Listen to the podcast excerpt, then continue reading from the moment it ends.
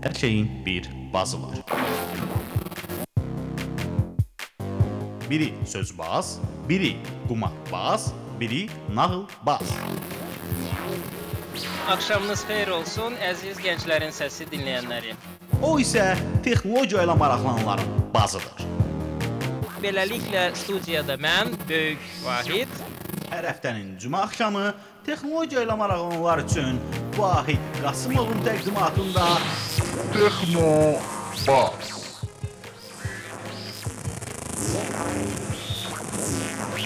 Texnologiya ilə bağlı hər şey. Texnobazda. salam.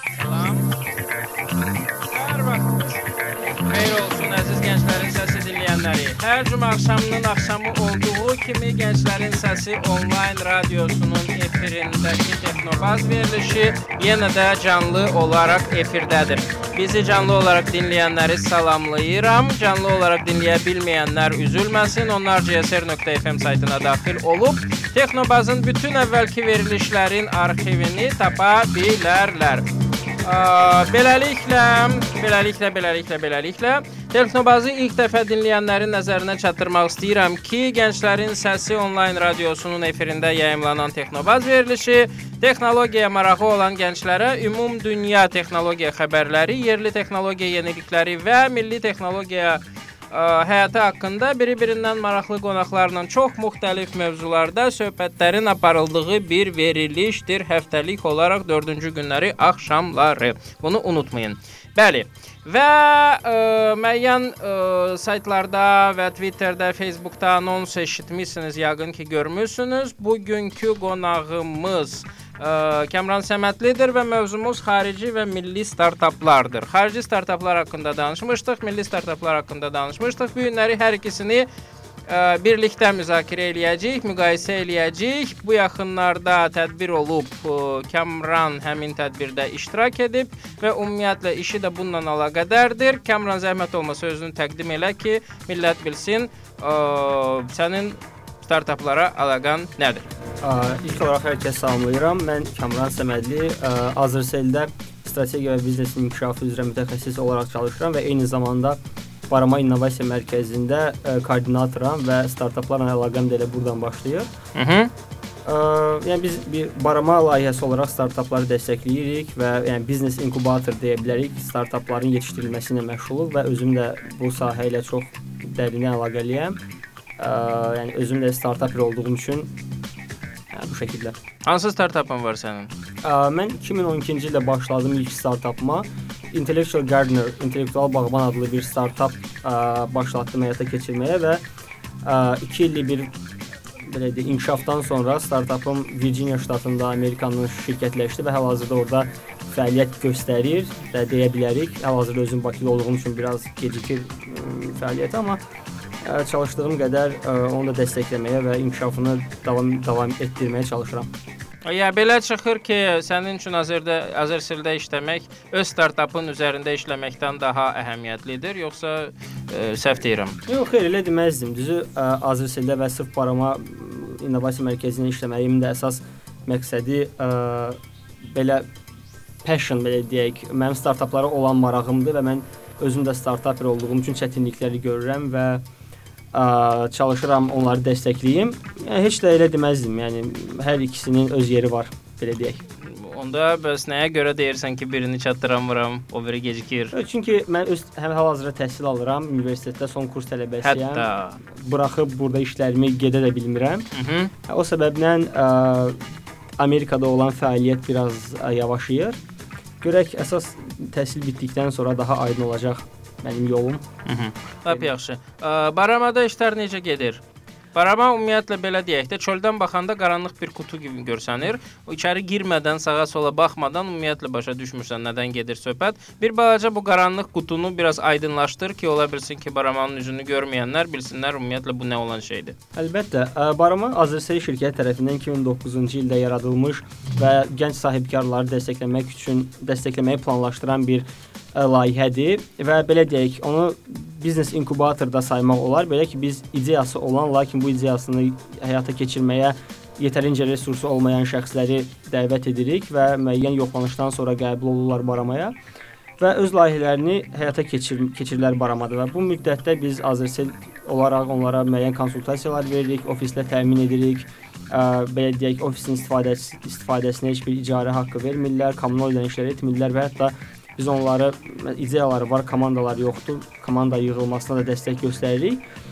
Və müxtəlif yarışmalar keçirdirik, həm Azərbaycan səviyyəsində, həm regional, qlobal səviyyədə və onlar iştirak edərək özlərini inkişaf etdirirlər. 2013-cü ildə 6 startap Baramanın keçirdiyi bir yarışma sayəsində ə, Silikon vadisinə ziyarət etdi və orada Google kimi böyük şirkətlərlə görüşdü. Orada müxtəlif mentoring sessionlar keçirdilər və geri dönərək Azərbaycanda fəaliyyətlərini davam etməyə başladılar. Baraman neçə ildir mövcuddur? Neçə il fəaliyyət göstərir? 5 ildir artıq 2009-cu ildən. 5 il fəaliyyət göstərirsən, orada təzə başlamısan hər halda. Aa. Yarım il. Mən 2012-ci ildən Baramanın üzvüyəm, belə Aha. deyək. 2 il sayıla, 2 il hətta yox, 1 il və 1 2 ay filan saymaq olar. Amma özüm Azərseldə və bu işdə artıq 3 aydır fəaliyyət göstərirəm. Yəni yeni düzəlmiş kimi də sayıla bilərəm. Bu 5 il ərzində yəqin xəbərin olar, məlumatın olar. Baramanın içindən çıxmış qurt ə, şeylər, kəpənəklər çıxır da baramadan. Ə, neçəsi ora qurd kimi girmiş bu layihələrin neçəsi kəpənək kimi çıxıb hal-hazırda sərbəst uçuşdadılar. Yəni varmı belə bir statistika? Hansı Aa. layihələri saymaq olar ki, bunlarla ə, Baramanın ə, yetirmələridir? Belə artıq ə, fa- Baramada 2 şirkət fəaliyyət göstərir, hansı ki artıq fəaliyyətləri var və rəsmi şəkildə dövriyyələri də müəyyən qədər var. Onu hər halda açıqlamaq istəmirəm. Ə, Biri ə, Memar Stone adlı layihədir. Elə Baramanın ilk yarandığı vaxtlardandır. Memar nə? Memar Stone. Aha. Sırf ə, inşaat sektoru ilə əlaqəli bir şirkətdir, lakin öz fəaliyyətlərinə IT-ni də inteqrasiya edib və onlayn saytları üzərindən məlumat paylaşımı ilə məşğuldurlar və deyim 2010 2009-cu ildən fəaliyyətdədirlər və hal-hazırda regional partnyorları belə var. Hindistan olsun, Orta Asiyada bəzi əməliyyatlar keçirdirlər, Hı -hı. ə, sifarişlər götürürlər, layihələr verirlər və tikinti işləri ilə məşğul olurlar. Bir digər ə, artıq rəsmi şəkildə fəaliyyət göstərən startap, startap da deməliyəm şirkət. Ə, Rəhimov Studio adlı bir şirkət var Hı -hı. və web kreativ studiya da sayıla bilər.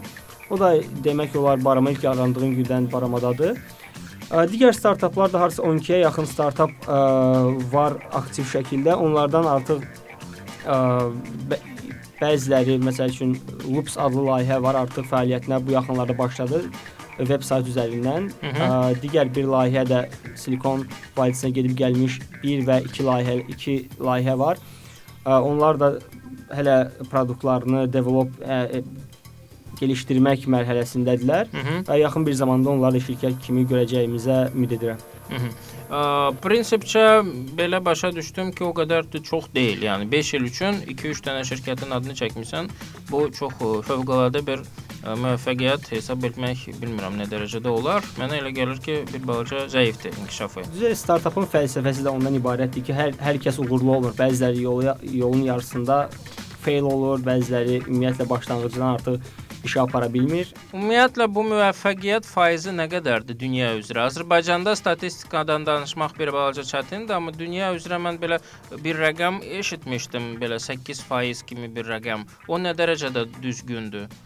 Yəni həqiqətən necə deyirlər, ə, işə başlayan 100 nəfərin ə, 92-si məhv olur adətən. Təqribən elə olur. İstər dünyada, istər Azərbaycanda statistika çox Bəs onda startaplara pulun qoyulması, yəni ki, əgər qabaqcadan bilinirsə ki, ə, 92% necə deyirlər, ə, iflas olacaq, yəni ona pulun qoyulması nə dərəcədə məntiqli bir işdir? Düzü orada iki iki hər halda belə iki tərəf var. Startapın özü və ona yatırım e, etmək istəyən şirkət və yaxud da fond. Hı -hı. Hər ikisinin müəyyən kriteriyaları var. Məsələn, startap belə deyək, ideya şəklində gəlirsə, əlbəttə ki, ona yatırım etmək biraz problem olacaq. Məsələn, bir produkt halında bir işlək prototip olaraq gələrsə, onun yatırım alma şansı artır. Hı -hı. Digər tərəfdən ə, venture capital fondları olsun və yaxud da şəxsi investorlar öz dəyər sistemləri mövcuddur və onlar belə deyək, bazarı, iqtisadiyyatı nə qədər yaxından tanıyırlarsa, ə, startaplara yatırım etmək və onları dəyərləndirmək onlar üçün bir o qədər kəskinləşir. Məsəl üçün bu insan tutaq ki, internet e-commerce sahəsində, internet alış-veriş sahəsində bilgilidirsə, həmin sahədə olan startaplar daha aydın zəifliklərini və güclü olduğu tərəfləri görərək qərar verir.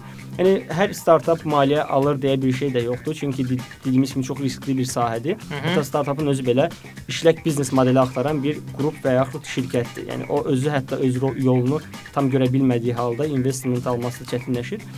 Amma olanlar da olur. Dediyim kimi kriteriyalardan asılıdır. Hər sahənin, hər investorun və hər startapın öz fəaliyyətindən də asılıdır. Ə, belə bir sual, əgər belə deyək də effektivlik dərəcəsi ə, bu dərəcədə aşağıdırsa, Azerselin barama layihəsinin mənası nə idi? Azerselin bunda marağı nədir? Ə, barama layihəsi ilk olaraq belə deyək, sosial social responsibility bir proyekt olaraq başladı. Yəni sosial mə məsuliyyət Və əsas məqsədimiz ilk olaraq ə, sahibkarlıq tendensiyasını Azərbaycanda yaratmaq və ə, inkişaf etdirmək idi. Həmin dövr üçün 2009-cu ildə artıq belə layihə yeganə olaraq baramada Azərseldə idi. Bizim ilk olaraq məqsədimiz insanların sahibkarlıq ə, fikrinin formalaşdırılması idi. Sırf belə deyək, məqsəd onları gətirib şirkətləşdirməkdən əlavə bu sahədə müəyyən ə, təlimlərin keçirilməsi, onların aydınlandırılması idi və biz bunu da bacardıq. Amma indiki halda belə deyək, biraz ə, skopumuz dəyişərək daha professional və daha ə, uğura yönəlmiş bir şəkil alırıq və çox güman bir neçə ay ərzində daha ciddi şəkildə ə, sizlərlə söhbət edərik inşallah. Hı -hı. Yəni il ilkin halda bunun sosial məsuliyyət proyekti olması səbəbilə çox da ə, belə deyək, strict tələblərimiz yox idi Hı -hı. indiyə qədər, amma bundan sonra olacaq və biz də çalışacağıq ki, Azərbaycan informasiya texnologiyaları idxal etməsində ə, ölkəmizə dəstək olaq. Aha. Ə, yaxşı. Ə, bir balaca mövzunu da dəyişdirək. Bu yaxınlarda deyəsən Türkiyəyə getmişdin. Bu da ə, Antalyada belə deyək də qış tətili deyildi. Ə, ziyarətin səbəbi nə idi? Ə, Antalyaya ziyarətimin səbəbi Startup Turkey adlı bir konfrans idi. Bu deyərdim regionun ən böyük sahibkarlıq konfranslarından biri idi. Orada da mən ə, orada iştirak edərək həm özüm, həm Barama, həm Azərsel adından çıxış edərək orada ə, təcrübə mübadiləsində iştirak etmək istədim. Hı -hı. Daha Və çox hansında, daha çox özünü təqdim etmək yoxsa başqaları dinləmək? Daha çox başqalarını dinlədim çünki orada çox böyük sahibkarlar və çox uğurlu layihələr fəaliyyət göstərirdi və onların təcrübə mübadiləsində dinləmək və özüm üçün hətta hər getdiyim yerdə müəyyən qeydlər aparırdım Hı -hı. və gəldikdən sonra artıq yavaş-yavaş onları tətbiq etməyə başlamışam. Türkiyə ilə Azərbaycanı müqayisə eləməsək ümumiyyətlə, ə, Türkiyədə bizim götürəcəyimiz nələr var? Yəni onlar hal-hazırda ə, dünya ilə müqayisədə hansı səviyyədədirlər? Yəni dünya ilə eyni səviyyədə deyə bilərikmi? Türkiyənin dünya ilə eyni səviyyədə olduğunu deyə bilmərəm şəxsən. Yəni mən dünya dedikdə Qərbi, Amerika və Silikon vadisini nəzərdə tuturam texnologiya sahəsində. Heç də elə deyil, amma o Türk Türk Türkiyənin internet bazarı bir xeyli böyükdür. Onlar məsəl üçün Yemək Sepeti adlı bir alkapıda.com adlı bir startap var, hansı ki eBay tərəfindən 23 milyon dollara alınıb və digər bir Positron adlı şirkəti ə, bir də Monetize adlı Amerikan şirkəti tərəfindən 100 milyon dollara alınmış, yəni şirkətlərə sahibdir Türkiyə. Hı -hı. Amma son son günlərdə biraz problemli vaxtlar yaşayırlar. Orada ə, müəyyən internet qadağalarının ə, qəbul olunduğu dövrdür və o o bu səbəbdən onlar da biraz tərəddüd edirlər ki, bəs bizim internet en- industrimiz necə olacaq? Ə, Yəni orada qadağalar hər zaman var idi. Yəni ki, neçə ildir artıq YouTube-a qadağa var və s. və axır. Yəni Türkiyə əslində bu cür şeylərə öyrəşmiş bir ölkədir ə, və bir qədər də bu Türkiyə internetinin ə, inkişafına gətirib çıxardır. Çünki məsəl üçün YouTube işləmədiyi zaman məcbur olurlar ki, öz hansısa video paylaşma ə, proyektini həyata keçirsinlər və onun inkişafına gətirib çıxardır. Hal-hazırda deyəlim ki, ə, milli VideoAs və ya MyVideoAs kimi resursların inkişaf etməməsi YouTube-un aktiv olmağındandır. Onu bağlasaq, görün baxın istifadəçilərin sayı nə qədər artacaq. Bu əslində mən deyim, o həmin qaydaları irəli sürənlərin bu şəkildə düşündüklərinə çox əmin deyiləm. Çünki indiki indi artıq belə deyək, ə, istənilən resursun bağlanmasına həmin ə, belə qeydsiz, şərtsiz razı olduqlarını bildirdilər və bundan əlavə kontentin 2 ilə yaxın saxlanılması məsələsi ortada dolaşır ki, o da Türk internet istifadəçilərini qorxudur. Yəni belə şəxsilik ə, önəmli olduğuna görə istəmirlər onların şəxsi məlumatları saxlanılsın ə, kiminsə serverlərində. Həm müzakirələr oldu bu haqqda da, amma düşünürəm qorxuducu çox da bir proses yoxdur, amma yəni olaraq kütlə olaraq biraz qorxmuş haldadırlar. Amma ümumi olaraq yəni Avropa səviyyəsinə götürsək, yetərincə startup ekosistemləri ə, inkişaf etmiş durumdadır və hal-hazırda inkişafları davam edir. və- Hansı maraqlı çıxışlar var idi? Startup Türkiyədə. Aa. Yəni belə ağıl yadda qalan ən parlaq şeylər hansılardır? Düzü konfransın birinci günü mənim çox xoşuma gəldi və ən çox qeydlərimi də oradan götürdüm. Intel Capitaldan ə, bir şəxs Barış adlı bir şəxs ə, çıxış edərək startapların çətin zamanlarda yaranması haqqında və onların nəyə diqqət etməsi haqqında müəyyən müzakirələri və fikirlərini iştirakçılarla paylaşdı. Bundan əlavə olaraq Google Ventures Avropa ofisindən bir İz Vedra adlı ə, bir şəxs ə, belə deyək, öz təcrübələrini və biznes inkubasiya startaplara qayğı göstərilməsi haqqında maraqlı fikirlərini bölüşdürdü və mən hətta bu haqqda bloqumda da bir post yazmışdım və fikirlərimi bölüşmüşdüm. Ümumiyyətlə belə ümumi get götürsək, birinci günü çox maraqlı idi. İkinci günü artıq ə, biraz dinlədim və birinci gün qədər maraqlı olmadı. Ə, yəni əsasən startapların yaranması, onların komanda halında fəaliyyət göstərməsi və digər inkişafı, sonrakı inkişaf mərhələləri haqqında çox maraqlı çıxışlar oldu birinci gün. Ə, amma ki, konkret startapların adını çəkməmisən. Ə, startapların çıxışlarını düzü mən qeyd etmək istəmədim. Orda bir xeyli vaxt startap var idi. Səhv xatırlamıramsa 70-ə yaxın. Hı -hı. Azərbaycandan 8 startap idi və yəni onların adlarını çəkə bilərəm. Azərbaycanın çəkərsən inşallah bu yaxınlarda, yəni az sonra. Ə, Azərbaycandakı startapların çıxışları Türkiyədəkilərlə, Türkiyədəkilərin fonunda ə, belə deyək də çox bəsit görsənmirdi. Ə, Xeyr, mən əksinə deyərdim, ə, bir xeyli ə, təəccübləndim, çünki bizim startapların əksəriyyətində artıq hazır məhsul və hazır biznes var idi. Hı -hı. O yüzdən mən çox sevindim bunu görməyimə. Türkiyədə türk startapları, orada məsələn Avropadan müəyyən startaplar, Asiyadan müəyyən startaplar var idi. Həm əksəriyyəti ideya olaraq gəlmişdi. Və o da çox Aha. professional görsənmir. Bizimkilər artıq ə, müəyyən bizneslə gəlmişlər, müəyyən know-how-la gəlmişlər və öz produktları var idi və bu məni çox sevindirdi ki, yüksək səviyyədə ə, təmsil etdik Azərbaycan startap ekosistemini. Ə, hazır biznes modelini artıq tapmış ə, startapların ə, startap Türkiyəyə gedib orada özünü təqdim etməyin ə, mənası nədir? Ə, Düzü mən sizə deyim, ə, belə bu cür tədbirlərdə ora sırf invest investisiya almaq üçün getməyin bir mənası yoxdur. Çünki heç bir ölkə əksər hallarda mən bunu qeyd edirəm, digər ölkənin startapına yatırım etməkdə maraqlı deyil. Amma əgər Azərbaycan startapı İstanbula, Türkiyəyə, Antalyaya və ya digər bir şəhərə gedərək orada fəaliyyət göstərərsə, Mhm. orada əlaqələrin olması və investisiya alma şansları artır. Yəni şəxsən mən startap olaraq yox, Baramo Azər Azərsel olaraq getdiyim üçün sırf təcrübə mübadiləsi idi. Digər startaplardan dediyim kimi əsas əlaqələrin genişləndirilməsi və daha çox insanın və Türkiyə bazarının daha çox yaxşı tanınması ə, məqsədi olduğunu düşünürəm. Hı -hı. Ə, Türkiyədə belə deyək də Azercell kimi böyük bir şirkətin startaplara kömək edən bir müəssisəsi varmı? Ə, Düzü hal-hazırda yoxdur. Turkcell-lə Turkcell-in belə bir ə, tə, belə deyək, inisiativ yaratmaq, ə, biznes inkubatoru yaratmaq planlarının olduğunu bilirəm, amma hələ ə, onu yaratmayıb. Gecikirlər, gecikirlər. Ə, Azercell-lə müqayisədə gecikirlər. Yəni belə deyək, ə, elə yaxşı olsun, amma məsələn sırf şirkət deyil də ayrı biznes inkubatorlar bir xeyli vaxt var deyim sizə, bir sayları bir yetərincə var. Orla venture ə, kapitalın imkanları necədir? Yəni ki, orada startaplara pul qoyan şirkətlərin ə, şirkətlər varmı ümumiyyətlə belə maraqlı şəxslər, hansılar ki, o 92-nin risklərinə, risklərini göz önünə alaraq 8% heç olmasa ə, maliyyələşdirsinlər. Türkiyədəmi, Bəli, Azərbaycanda? mı? Türkiyədə. Türkiyədə əlbəttə var.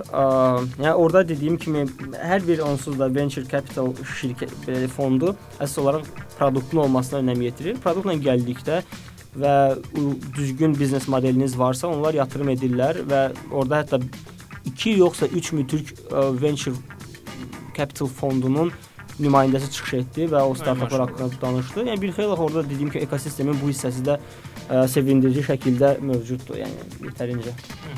Aydındır. Ə, Çox gözəl başladıq. Ə, Vaxt belə deyək də heç gözləmədən keçdi. Gəlin bir balaca dincələk, musiqiyə qulaq asaq, ondan sonra söhbətimizə davam edərik. Oldu.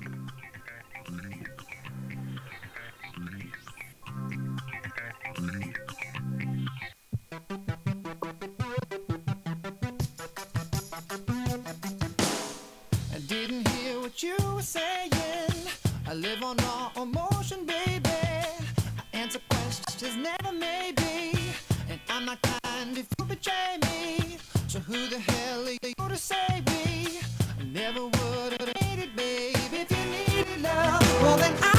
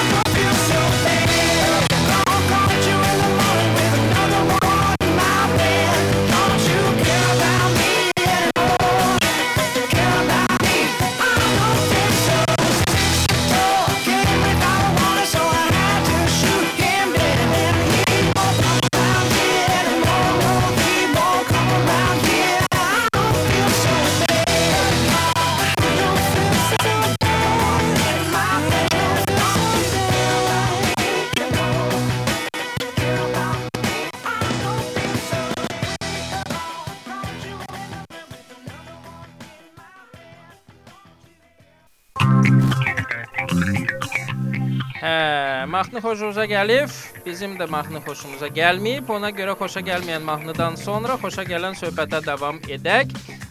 Yadınıza salım ki, bu gün studiyadakı qonağımız Kamran Səmədlidir və biz xarici və milli startaplar barədə danışırıq. Ə, bu yaxınlarda Türkiyə səfərində olub Kamran və orada Türkiyə startap Startup Türkiyənin deməli ə, tədbirinə tədbirində iştirak edib ə, Baramanı təmsil edərək ə, deməli ə, söz vermişdin ki, Türkiyə startapda, yox, Startup Türkiyədə iştirak edən Azərbaycan startaplarının adını çəkəcəksən.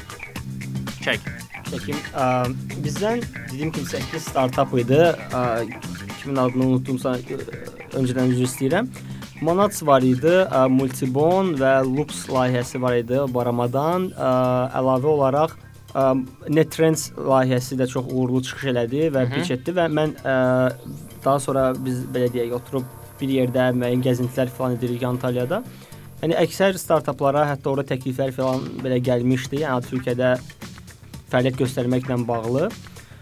Ə, və hal-hazırda dəyərləndirdiklərini düşünürəm, həmin startapların Türkiyə təkliflərini və düşünürəm qısa bir müddətdə onlar nəticəni bizə Sən 8 demirsən, 5-nin adını çəkmirsən. 3-ün yaddan çıxıb. Digərləri yadımdan Aha, istəyirəm. deməli, nəbi, o qədər uğurlu değildi və o qədər parlaq değildi ki, yadda qalmayıb. Və düzü Yəni cəmi 8 startapı yadda saxlamaq. di- digərləri də çox maraqlı ideyalarla, layihələrlə gəlmişdilər.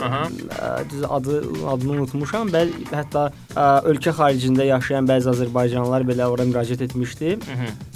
Çox maraqlı çıxışlar etdilər, amma belə deyil, hazır məhsulla gələnlər Barama adına bunlar- iştirak edərək bizim milli startaplarla müəyyən networking oldumu ki, məsələn onları tutalım ki, Baramaya cəlb eləmək və ya Barama artıq ə, hazır ə, işləyən startaplarla əməkdaşlığa ə, çox uyğun deyil. Elə deməzdim. Yəni belə baramaya istənilən ə, mərhələdə qoşulmaq olar və Azərbaycanın dəstəyini istənilən mərhələdə almaq olar startaplar üçün. Belə digər cəhətdən də hətta Türkiyədə bəzi startaplar Azərbaycanla, Azərbaycan IT bazarı ilə çox maraqlandılar. Hətta bir ə, maraqlı layihə var, adı Chain-dir. LinkedIn ilə Foursquare-in qarışığı bir layihədir. Azərbaycan bazarı ilə maraqlanırlar və bu aralar onlarla yazışırıq.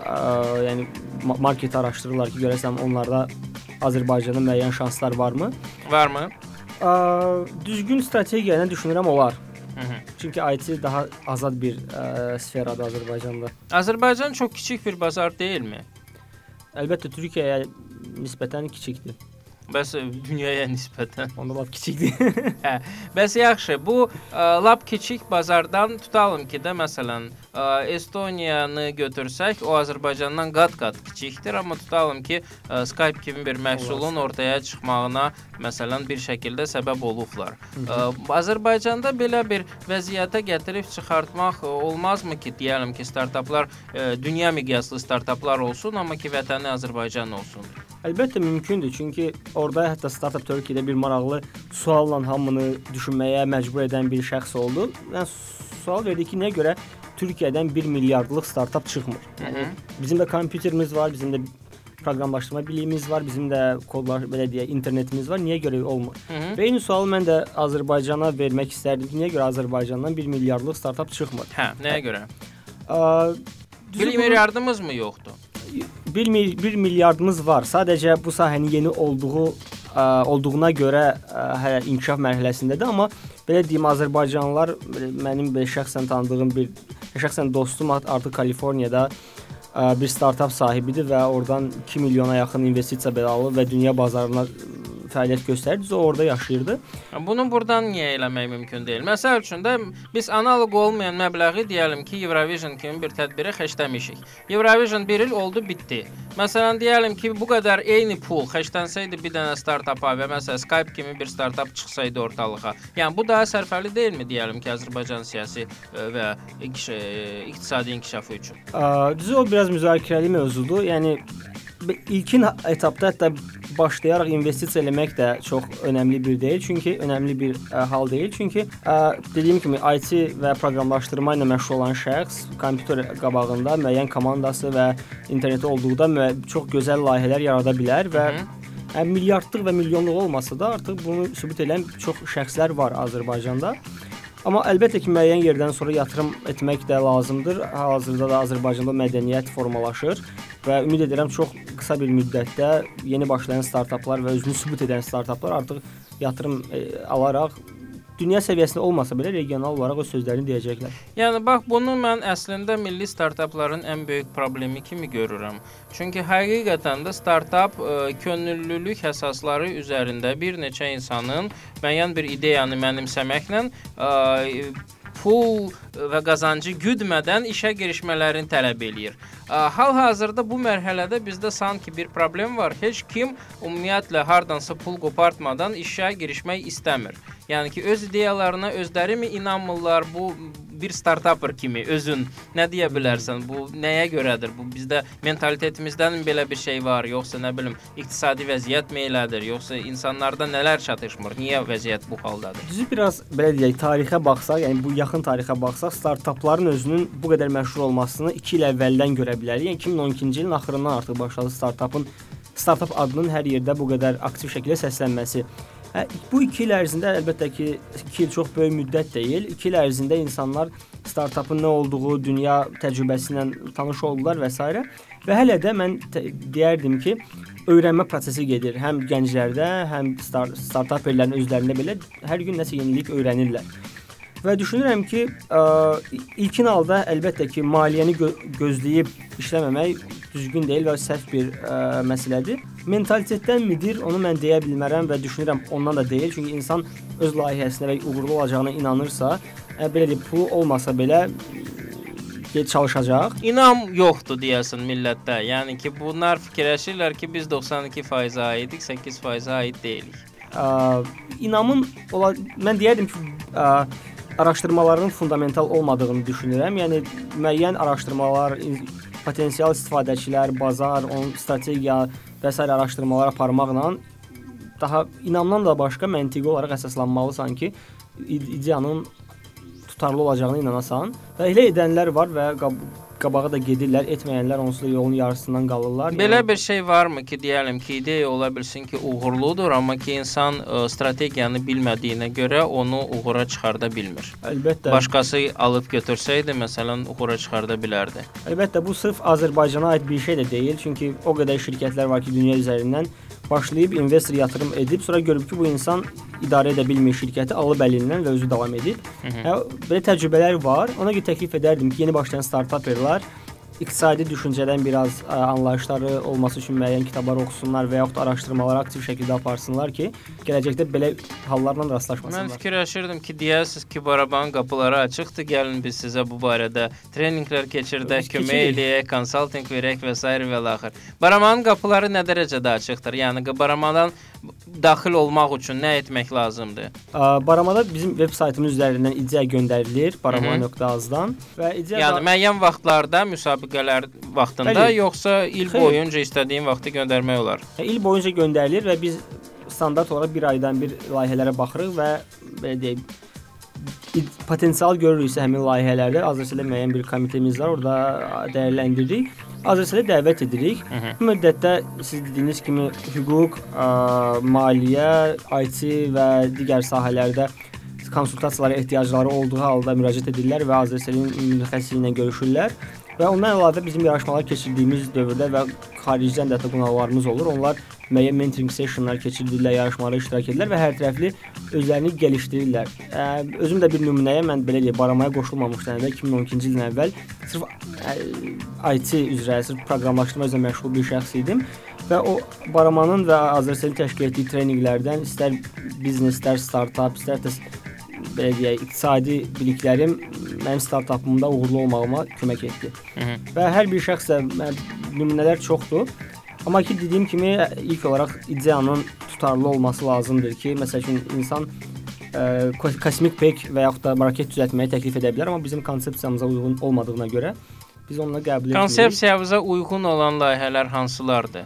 IT və telekommunikasiya ə, te texnologiyalarına ə, əlaqəli Yəni olan. kommunikasiya ağırlıqlı yoxsa məsəl üçün IT deyirəm ki, ağırlığı. hal-hazırda bu prezident nəzdində ə, İKT dəstəkləmə fondu var. Onun da gözləyirik ki, bu dəqiqə müsabiqə açılmalıdır bir ay ərzində. Ə, orada konfranslarda və s. elan edilib ki, biz daha çox ə, emalat ə, məsələn ağırlıqlı layihələrə dəstək edəcəyik. Yəni ki, deyəlim ki, bir şirkət açırsan, zavod qurursan, adını qoyursan, nə bilim, Arazdan Kürdən başlayırsan kompüter buraxmağa, ona investisiya ayrılır. Amma gəlsən ki, tutalım ki, mən deyəlim ki, yeni bir şey icad etmişəm, onun üçün veb-sayt açacağam, application yazacağam və s. ə, deyəcəklər ki, bağışla bu- bunun bizə ehtiyacı yoxdur. Yəni ki, Azerselin nəyə ehtiyacı var? ə, Nəyə dəstək göstərmə ə, şeyi daha yüksəkdir? Ə, ehtimalı daha yüksəkdir və ya hansı layihə ilə gəlsən kənarda qala bilərsən. Biz əsas informasiya texnologiyaları layihələr, informasiya Yəni, texnologiyalarından informasiya texnologiyaları çox böyük bir sahədir. Hamısı informasiya. Yəni mən IT-dən kənar olan startapı eşitməmişəm ümumiyyətlə. Hamısı IT ilə əlaqədardır. Ona görə biraz daha konkretləşdirmək Konkret mümkündür. belə deyək, istənilən sahəyə IT-nin tətbiq olunması, məsəl üçün bu machine to machine bir startap ola bilər, hansı ki ödənişləri IT-yə inteqrasiya edir və yaxud da dediyim kimi bizdə memarlıq sektorunda olan ə, layihədir, lakin IT-dən istifadə edərək şirkət belə deyək fəaliyyətini başlayıb. Ə, Bu mü- IT ağırlıqlı olması üstünlükdür və hətta proqram təminatı və mobil texnologiyalar alqışlanır. Əgər bu insanın mobil application ideyası varsa, o bizim üçün daha önəmli gəl ö- ö- prioritet öndə olacaq. Çünki müasir tendensiya bundan ibarətdir. Layihənin monetizinqi nə dərəcədə əhəmiyyət kəsb eləyir? Məsəl üçün çox gözəl, ideyalı sosial layihə olsa, onu dəstəkləmə ə, ehtimalı nə qədərdir? Ə, Sosial ağırlıqlı layihələri də dəstəkləmək şansımız var, amma həmişə bunu edəcəyik deyə söz verə bilmirəm. Yəni o da ə, belə deyək, asılıdır. Həmin insan təklif etdiyi yenilikdən və insanlara ə, önərdiyi belə deyək, xeyriyyə işlərindən asılıdır. Bu da sosial sahibkarlıq istiqamətində bir şeydir, hansı ki biz onu da dəstəkləyirik. Yəni həm insanlara yardım edərək, əgər onu da özü orada pul qazanacaqsa, lap yaxşı. Qazanmayacaqsa da, yəni barama olaraq maddi olmasa belə müəyyən konsultasiya və ofis olaraq dəstək ola bilərik. Məsəl üçün deyəlim ki, Facebook layihəsi ilk 5 ilində tutalım ki, 1 qəpik də qazanmayan, amma ki, bir xeylıq məsrəfi olan bir layihə idi və bunu da sosial şəbəkə olduğuna görə sosial layihə adlandırmaq olardı bu mərhələdə. Yəni bu cür layihə olsa, hansının ki monetizinqi ola bilsin ki, 4-5 il sonra həyata keçiriləcək, amma başlanğıcda məsələn ideya olaraq çox uğurludur. Bu ə, dəstəkləmə şansını əldə edə bilərmi? Əldə edə Birinci. bilər. Əlbəttə o həmin şəxsin layihəyə inamından və layihəni ifadə etməyindən asılıdır. Əgər həmin şəxs o imkanları görürsə və bizə göstərirsə, niyə də yox? Mhm. Əgər ə, şəxs özü ə, görə bilmirsə, onda bizim də inanmağımız biraz çətin ola bilər. Amma ki biz özümüz araşdırma aparırıq və hətta bu mərhələdə olan startapları biz dəyərləndirdik və qəbul olunanlar arasında müəyyən özümüzdən də təklif etdik ki, sizin layihədə bu istiqamətdən və pul qazanmaq imkanları var, ondan istifadə edə bilərsiniz. Özümüz də təklif edirik, həmin şəxs də təklif edir. Yəni o dediyim kimi biraz müəyyən düsturları olmayan bir prosesdir. Ə, danışıqların asılıdır. Belə bir ideyalar hökm sürür Azərbaycan bazarında ki, mən kiməsə gedib ideyamı danışsam, o ideyamı götürüb məni kənarda buraxacaqlar. Yəni ki, bu cür fikirləşən insanlara nə deyə bilərsən? Baramacı olaraq. Təklif edərdim onun o haqqda çox düşünməsinlər. Yəni düşünə bilərlər, amma ki çox ciddiyə almasınlar. Ə, hətta mən iştirak etdiyim müəyyən seminarlarda, hətta bu ə, Amerikada olan bəzi konfranslardan belə bir ideyalardan qayıtmışam ki, əsas ə, ideyanı açıqlamaqdan qorxmayın. Hətta siz onsuz da ideyanı deyə bilərsiniz və həmin ideya min dənə insanın ağlına gələ bilər, amma onu necə edə biləcəyiniz ancaq siz bilirsiniz. Və ondan da əlavə, yəni insanlarla bölüşmək vacibdir. Çünki ən son ehtimalda hə, sənin ideyavın istifadəçisi həmin insanlar olacaq. Məsəl üçün sizin valideynləriniz ola bilər, dostlarınız ola bilər, digər IT mütəxəssis ola bilər. Bölüşün, fikir alın, özünüz ideyanızı gəlişdirin və eyni zamanda onu develop edin. Və oğurlanmasına çox qorxmayın. Əgər oğurlanacaq qədər asan bir layihədirsə, onda onsuz da müəyyən müddətdən sonra onun klonu çıxacaq və sizin biznesə problem yaradacaq. Amma orijinal layihənin oğurlanması və onun reallaşdırılması çox çətin bir prosesdir. Yəni ona görə çox Mə məsəl üçün də Twitter kifayət qədər bəsit bir şeydir. Onu ə, klonlamaq da çox asandır, amma ə, yəni məsələn Twitter Amma gəldi heç və birdən klonlamayıb. yayıldı. Ə, Hərçənd Facebookun klonları var və bəziləri də kifayət qədər uğurludur. Yəni VKontaktini götürsək, ə, Rusiya bazarında ciddi bir şəkildə Facebookun rəqibidir. Ə, Belə deyək. Hətta ə, rəqib belə deyil, keçmişdir istifadəçilərin sayına görə. Hərçənd bu necə deyirlər Facebookun fəaliyyətinə kölgə salmır. Ə, yəni belə deyək də mən bunu ə, nəyinsə əgər bir layihənin klonunu yaradılmasına söhbət gedirsə, məsələn həmin layihənin kopyalanması Çində tuta bilər. Çünki 1.5 milyard insandır və belə deyək 500 milyonu sənin layihəndən istifadə edirsə, olsun 100 milyonu da klondan istifadə edirsən. Azərbaycan onun hətta ideyanın oğurlanması belə çox da hə, ona sərf edəcək vaxtı dəyməyən bir şeydir. Çünki onsuz da bazar kiçikdir və istifadəçilər azdır. Yəni bir layihədə istifadə edirlərsə mən təklif edərdim sadəcə həmin layihəyə qoşularaq inkişaf etdirilməsi nə imkan yaradılsın. Amma dediyim kimi indiyə qədər mən şəxsən özüm hər hansısa bir əllər tutular, tutulan ideyanın və prosesdə olan ideyanın oğurlanmasını görməmişəm və ə, həm onu düşünənlərə, həm də ondan qorxanlara deyərəm ki, bu sadəcə bir vaxt itkisidir. Yəni. Bəs belə bir şey deyəlim ki, başqa ölkədə, ölkə içində istifadə olunan bir uğurlu bir startapı götürüb klonlayaraq ə, ölkəmizə gətirib tətbiq etməyə nə deyirsən? Yəni ki, bu uğurlu ola bilərmi? Amma bu çox biraz maraqlı və müzakirəli mövzudur. Hətta Startup Turkey-də belə bir şəxs sadəcə orijinal ideyaların çıxarılmasından danışdığı halda digər bir şəxs dünya praktikasının lokallaşdırılması haqqında müzakirə etdi. Mən hər ikisinin düzgün ol- olacağını düşünürəm. Yəni hər ikisi ola bilər. Çünki necə deyək, Google var idisə Yandex çıxdı və yaxud da belə deyək, Ə, Yandex Google-dan əvvəl daha yaranıb. da ə, Facebook var idisə kontakt çıxdı, uğurlu oldu. Onu da etmək olar, amma dediyim kimi ə, istifadəçilərin tələblərini də nəzərə almaq lazımdır. Yəni əgər istifadə edəcək, edəcək edəcəklərsə niyə görə olmasın? Hal-hazırda məsələn belə bir şey var ki, elə hər kəs Türkiyədəki yemək səbətindən danışır və ondan sonra da Azərbaycanda bir neçə startap o mövzuda yaradıldı.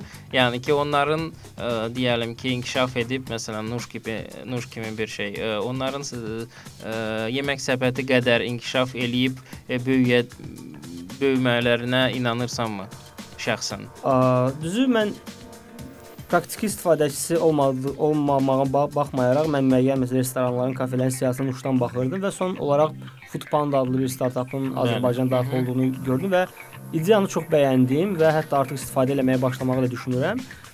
Düz statistikalar bizdə bir ə, maraqlı problem ondan ibarətdir ki, startapların əksəriyyəti və şirkətlərin əksəriyyəti statistikanı açmadıqlarına görə biraz araşdırma çətin olur. Amma düşünürəm yəni, mən bəyəndimsə, mənim kimi bəzi belə deyim, yüzlərlə insan bəyəndisə artıq həmin ə, startap gedəcək. Yəni hə- əlbəttə ki, onun e, partnyorlarının sayından asılıdır. Məsələn, Nuşda bəzi imkanlar qısıtlı olduğuna baxmayaraq, Foodpanda-da artıq bu imkanlar aşılıb və daha çox partnyorla hətta endirimlər belə edirlər. O yüzden düşünürəm Foodpanda-nın tutacağına inanıram. Yəni, Nuşdakı rəqabətdən təsirlənərək özünü inkişaf etdirsə çox əla olar. Və nəhayət ə, belə deyək, bizim vaxtımız yavaş-yavaş sona çatır. Onun üçün son dəqiqələrdə ə, Barman Baramanın təmsilçisi olaraq yox, amma ki onu da nəzərə alaraq ə, şəxsən özün bir startapper kimi ə, startapa başlamaq ə, başlama mərhələsində olanlar, həmin ideyada olanlara, olan gənclərə, bizim dinləyicilərimizə sən şəxsən nə tövsiyə eləyərsən ki, ə, həmin tövsiyələr onları həm startapa başlamağına, həm də ki onu uğura aparmağına ə, müəyyən bir ə, rol oynasın. İlk olaraq ə, təklif edərdim ki, tərəddüdlərdən və qorxulardan uzaqlaşsınlar. Çünki startapa startapperliyə daxil olmaq, yəni belə deyə sahibkarlığa başlamaq çox böyük bir təcrübədir və insan orada udmaq, uduzmaq söhbəti yox, sadəcə udursan, həm təcrübə, həm bilgi olaraq. Əlavə olaraq belə uğurlarını qarantiya almaq üçün təklif edərdim ki, bütün həm Azərbaycan da lokal, mümkünsə qlobal bazarda baş verən yenilikləri daima izləsinlər, ideyalardan yararlansınlar, özləri durmadan ideya istehsal etsinlər və onları reallaşdırsınlar və çox oxumaqlarını tövsiyə edərdim ki, həm ə, tədbirlərdə iştirak etsinlər, həm ə, kitablardan və yaxud da resurslardan yararlansınlar və son olaraq Baraman imkanlarından istifadə edə bilərlər. Bizim qapılarımız həmişə onlara onların üzünə açıqdır. Okay. Çox sağ ol. Çox ə, dəyərli məsləhətlərinə görə xüsusilə oxuma ə, oxumaq, yenə də Yenə oxumaq ə, bəli ideyası çox əhəmilidir. Çünki bu həm ə, yəni təcrübə əhəmiyyət kəsb eləyir, imtahası nəzəri məlumatlar, nəzəri biliklər ə, çox böyük bir əhəmiyyət ə, daşıyır uğura gedən yolda. Maraqlı söhbətə görə çox sağ ol. Bizim dinləyicilərimizi də dinləy dinlədiklərinə görə ə, təşəkkürlərimizi bildiririk. Görüşmək ümidi ilə. Çox sağ olun. Sağ olun. Sağ olun.